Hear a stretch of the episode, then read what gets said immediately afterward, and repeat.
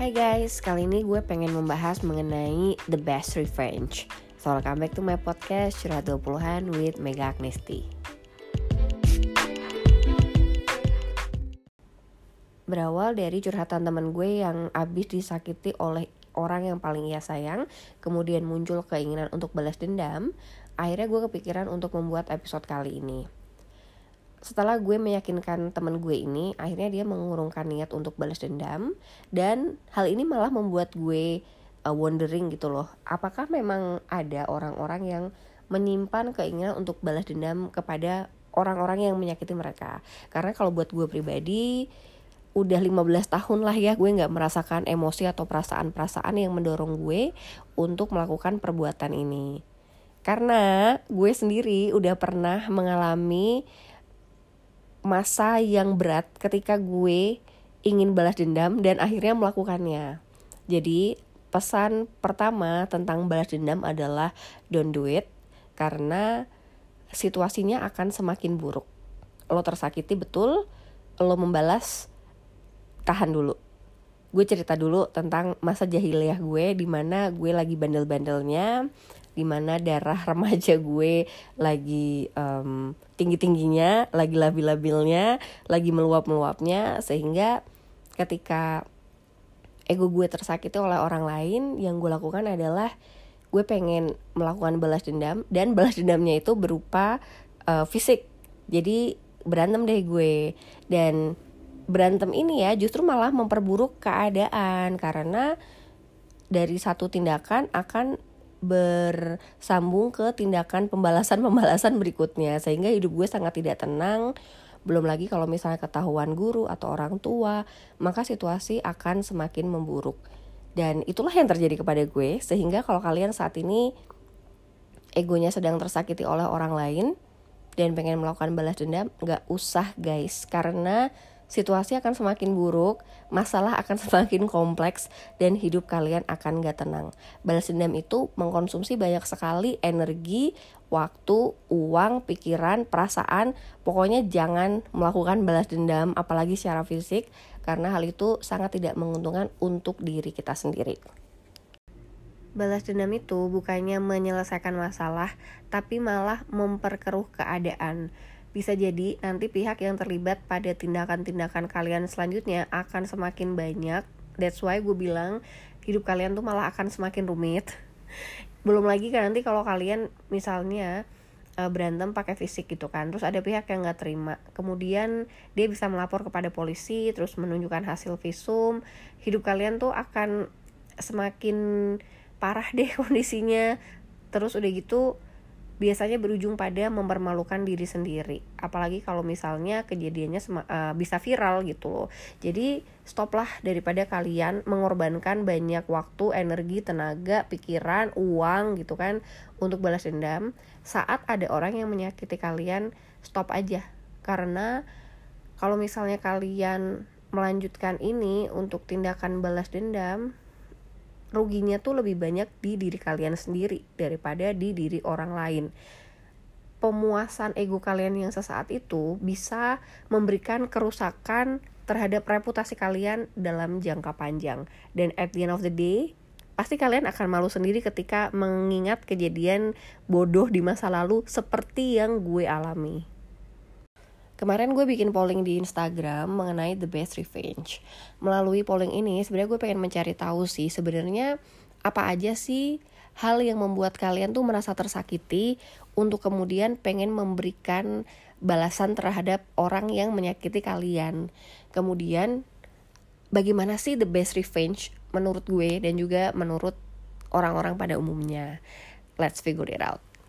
Yang pertama, pertanyaannya adalah apakah kalian yang pernah disakiti orang lain merasa ingin melakukan balas dendam terhadap orang tersebut? 73% responden mengatakan iya, sementara sisanya 27% mengatakan tidak. Walaupun yang mengatakan iya tuh banyak, tapi pada kenyataannya mereka tidak melakukannya guys. Hanya kepikiran untuk melakukan balas dendam. But in the end, mereka tidak melakukannya. Menurut gue, ketika kalian tersakiti, hal yang cukup wajar sih sebagai manusia kalau ingin melakukan pembalasan terhadap perlakuan tersebut. Tapi ingat ya, di sini tuh seringnya yang tersakiti adalah ego kita.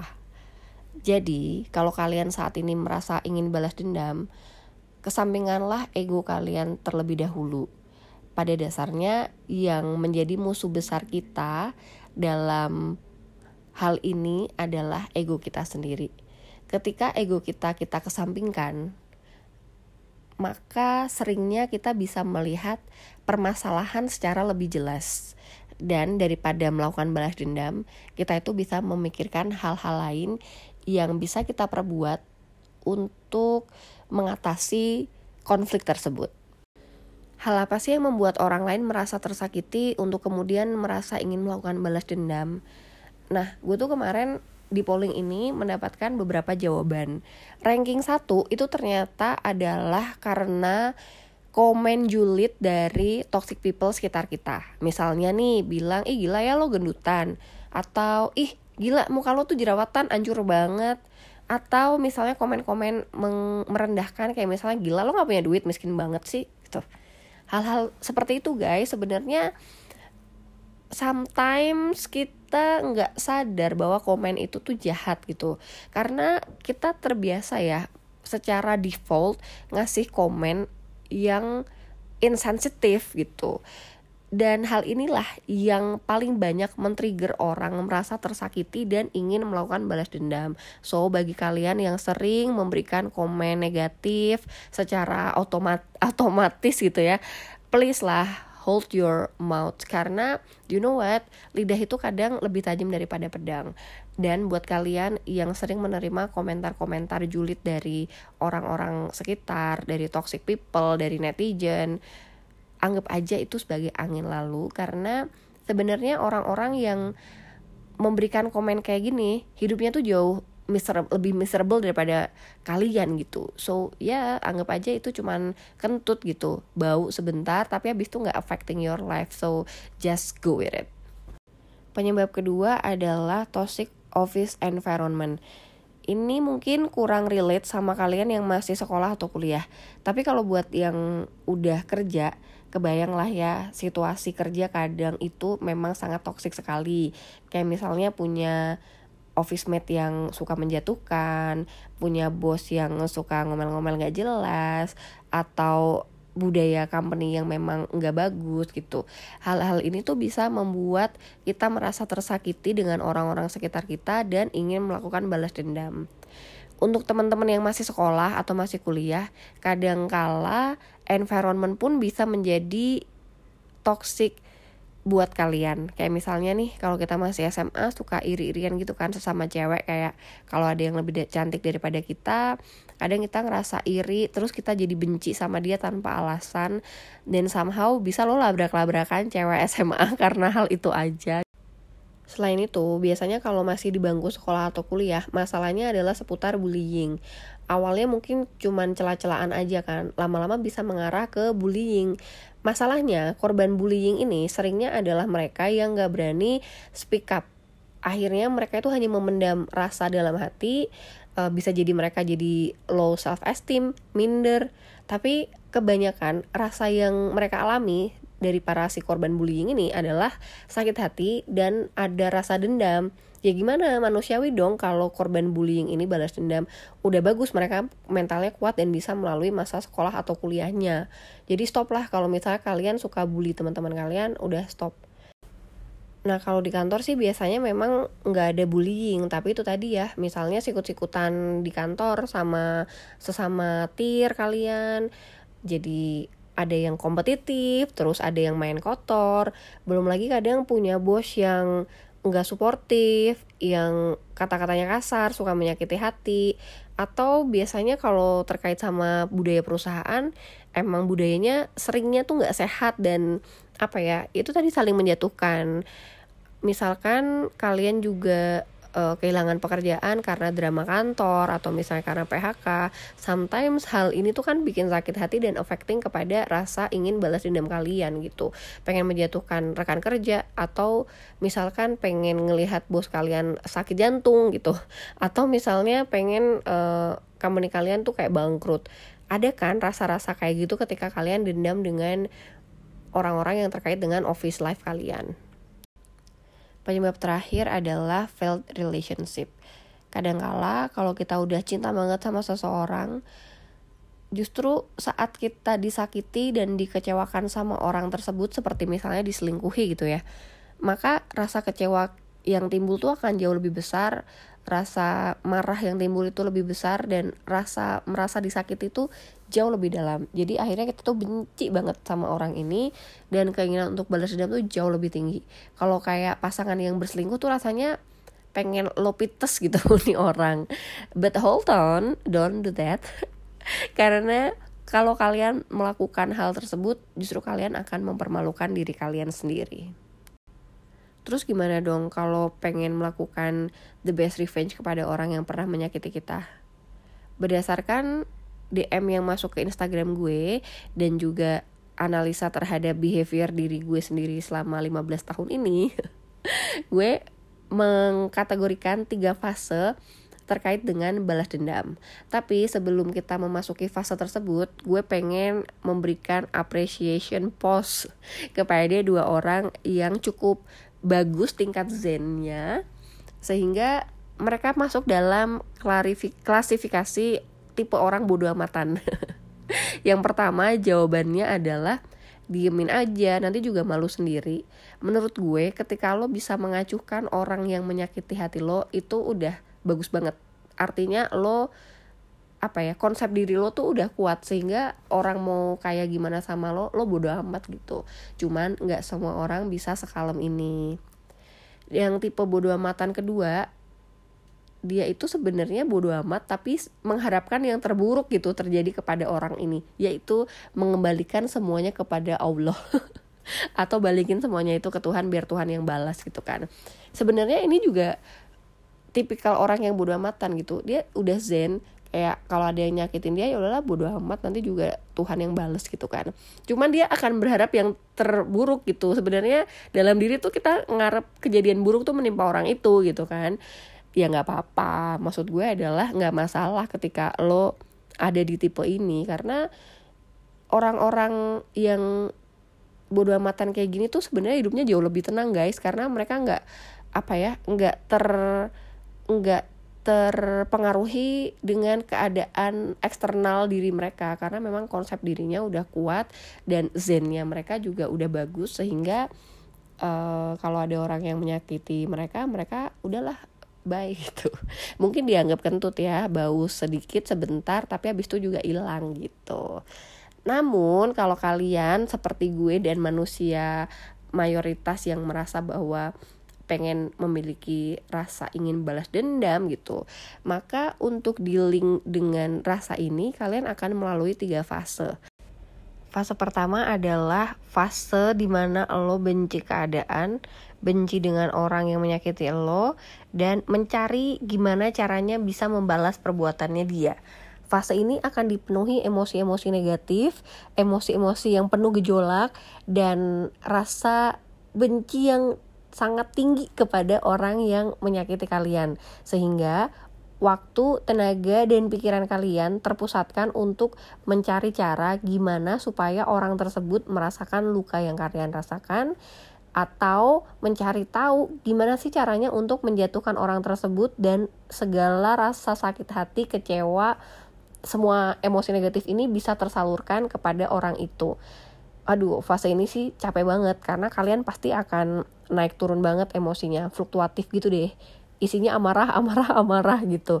Jadi di fase ini kalian mungkin akan kehilangan yang namanya ketenangan batin di fase ini juga kadang kalian jadi suka ngomongin orang yang kalian benci 50 kali lebih banyak dibanding ngomongin diri kalian sendiri. Ketemu teman, kadang suka curhat. Ketemu orang baru lagi, nanti suka curhat. Ketemu siapa lagi kalian curhat. Dan ada curhatnya tuh selalu emosional berapi-api gitu. Tapi ada saat di mana kalian juga akan merasa, oh, kenapa ya dia kayak gitu sama gue? Salah gue apa ya?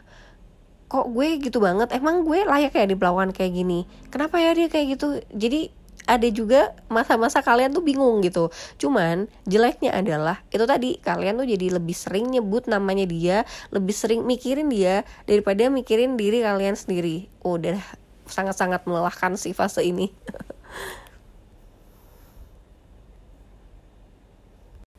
Fase kedua adalah fase di mana kita ingin memperbaiki kualitas diri, tapi tujuannya untuk membuat orang lain menyesal.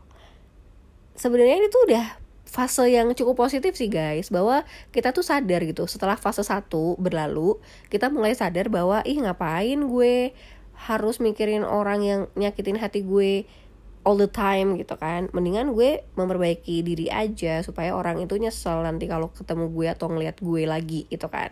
Sehingga di fase ini kalian akan uh, memperbaiki apa pun yang menurut kalian bisa membuat orang lain menyesal gitu. Misalkan jadi lebih cantik misalkan jadi lebih pinter misalkan jadi lebih kaya jadi lebih sukses gitu. Cuman karena objektifnya tadi untuk membuat orang lain menyesal artinya tuh kalian belum ikhlas gitu terhadap perbuatan orang tersebut di masa lalu kalian. Dan dengan objektif yang seperti itu kalian akan mencari validasi yang menunjukkan bahwa kalian diri kalian yang baru ini jauh lebih baik daripada orang yang menyakiti kalian. Kebayang nggak? Jadi kalian itu belum ikhlas sepenuhnya sehingga kalian memperbaiki kualitas dirinya itu ada tujuan. Tujuannya adalah untuk membuat orang lain menyesal, untuk menyakiti orang tersebut juga gitu. Dan pada akhirnya kalian akan mencari validasi yang menunjukkan bahwa oh ternyata iya ya bener lo tuh jauh lebih kece, lebih baik daripada orang yang menyakiti hati lo. Nah, Ketika validasi ini tidak tercapai, maka kalian tidak akan pernah puas dengan apa yang sudah kalian lakukan dalam usaha untuk memperbaiki atau meningkatkan kualitas diri. Nah, sebenarnya ini tuh common mistake sih dalam usaha-usaha balas dendam. Karena memang betul banget orang yang menyakiti kita di masa lalu itu adalah motivasi kuat kita untuk jadi lebih baik di masa depan.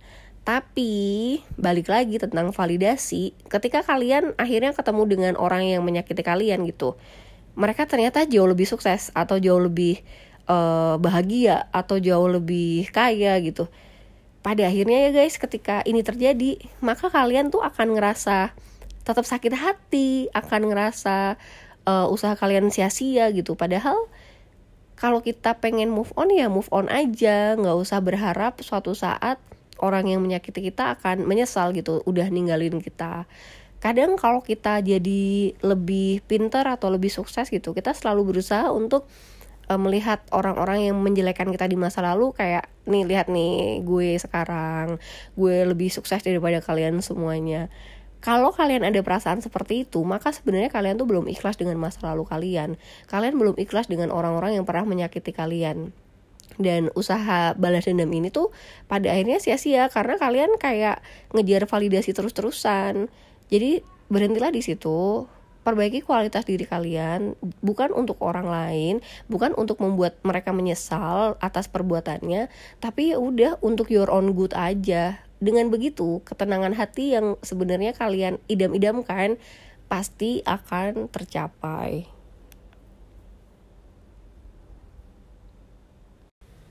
ketika kalian akhirnya merasa bahwa berubah demi orang lain itu adalah hal yang sia-sia, akhirnya kalian memasuki fase ketiga, yaitu fase memaafkan, menerima, dan akhirnya berubah demi diri sendiri.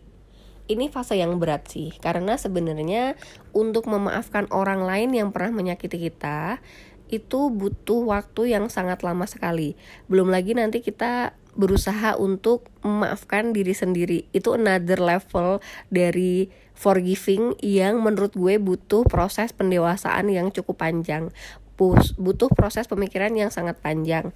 Dan ketika kalian sudah bisa memaafkan orang lain memaafkan diri sendiri berdamai dengan masa lalu kalian pada akhirnya bisa menerima keadaan dan bisa deal with it atau menghadapi uh, perasaan-perasaan negatif tersebut, emosi-emosi yang timbul dari kejadian tersebut. Kalau kalian udah bisa flat nih dengan emosi dari masa lalu itu tadi, maka kalian akhirnya bisa sepenuhnya move on. Dan langkah terakhirnya adalah be a better person. Titik be a better person titik. Kenapa gue bilang titik? Karena be a better personnya ini emang untuk diri kalian sendiri gitu loh. Bahwa dengan menjadi orang yang lebih cantik, dengan penampilan yang lebih menarik, dengan uh, otak yang lebih cerdas, dengan tutur kata yang lebih halus, dengan tingkah laku yang lebih lemah lembut, dengan menjadi orang yang lebih sukses, dengan menjadi orang yang memiliki apa ya penghasilan yang lebih baik ataupun uh, status sosial yang lebih tinggi gitu. Kalian lakukan itu untuk kepuasan pribadi, untuk memperkuat konsep diri, bukan demi menjatuhkan orang lain, bukan demi membuat orang lain tuh iri ataupun menyesal kalau kalian udah ada di fase ini guys, kalian tuh akan menjadi orang yang truly grateful, truly happy dan you know what, ketika orang sudah menjadi orang yang sangat bahagia ya dan memiliki konsep diri yang kuat, mereka nggak akan terpengaruh oleh masa lalu yang buruk. Misalnya dengar nama uh, musuh kalian gitu ya di masa lalu gitu atau dengar nama orang yang menyakiti hati kalian gitu. Kalian udah nggak akan benci sama dia. Kalian uh, nggak akan compare hidup kalian ke dia. Dan kalian tuh nggak akan mencari validasi dari status baru kalian gitu. Jadi menjadi orang yang sangat grateful ataupun happy ini adalah langkah terakhir yang ingin kita capai memang benar orang-orang yang menyakiti hati kita di masa lalu tuh bisa menjadi motivasi banget buat kita untuk berubah menjadi yang lebih baik. Tapi jangan pernah kalian berubah karena orang lain, berubahlah memang untuk menjadi diri yang lebih baik supaya kalian menjadi orang yang benar-benar bersyukur, menjadi orang yang benar-benar happy. Jadi ketika kalian udah berada dalam fase ini, kalian itu nggak akan terpengaruh dengan masa lalu yang kelam, masa lalu yang menyedihkan, masa lalu yang menyakitkan. Yang kalian pedulikan adalah keadaan kalian saat ini, kebahagiaan kalian saat ini, dan juga hidup kalian ke depan.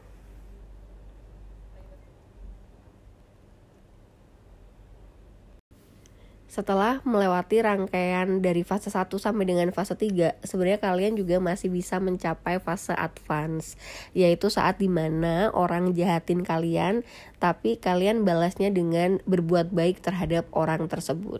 Seringnya nih guys, kenapa orang tuh suka jahat sama kita, suka berkata kasar sama kita.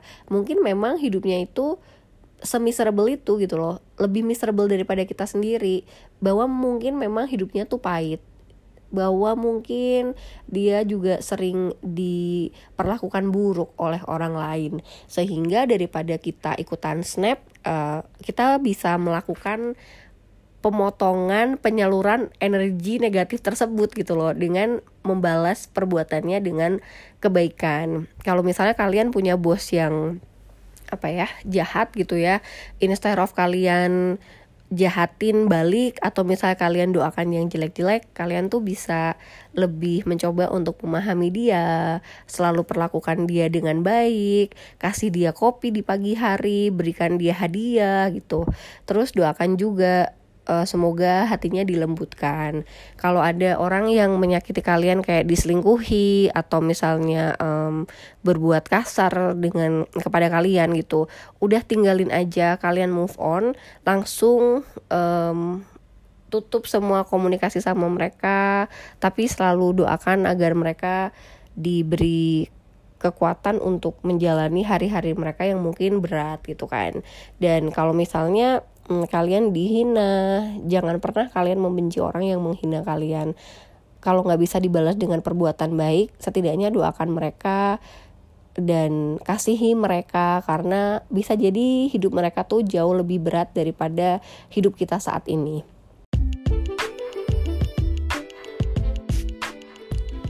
Begitulah the best revenge yang bisa gue rekomendasikan kepada kalian. Semoga kalian bisa mendapatkan apa ya? ketenangan hati dari mendengarkan episode kali ini. Dan semoga kita selalu menjadi orang yang bisa mengasihi sesama.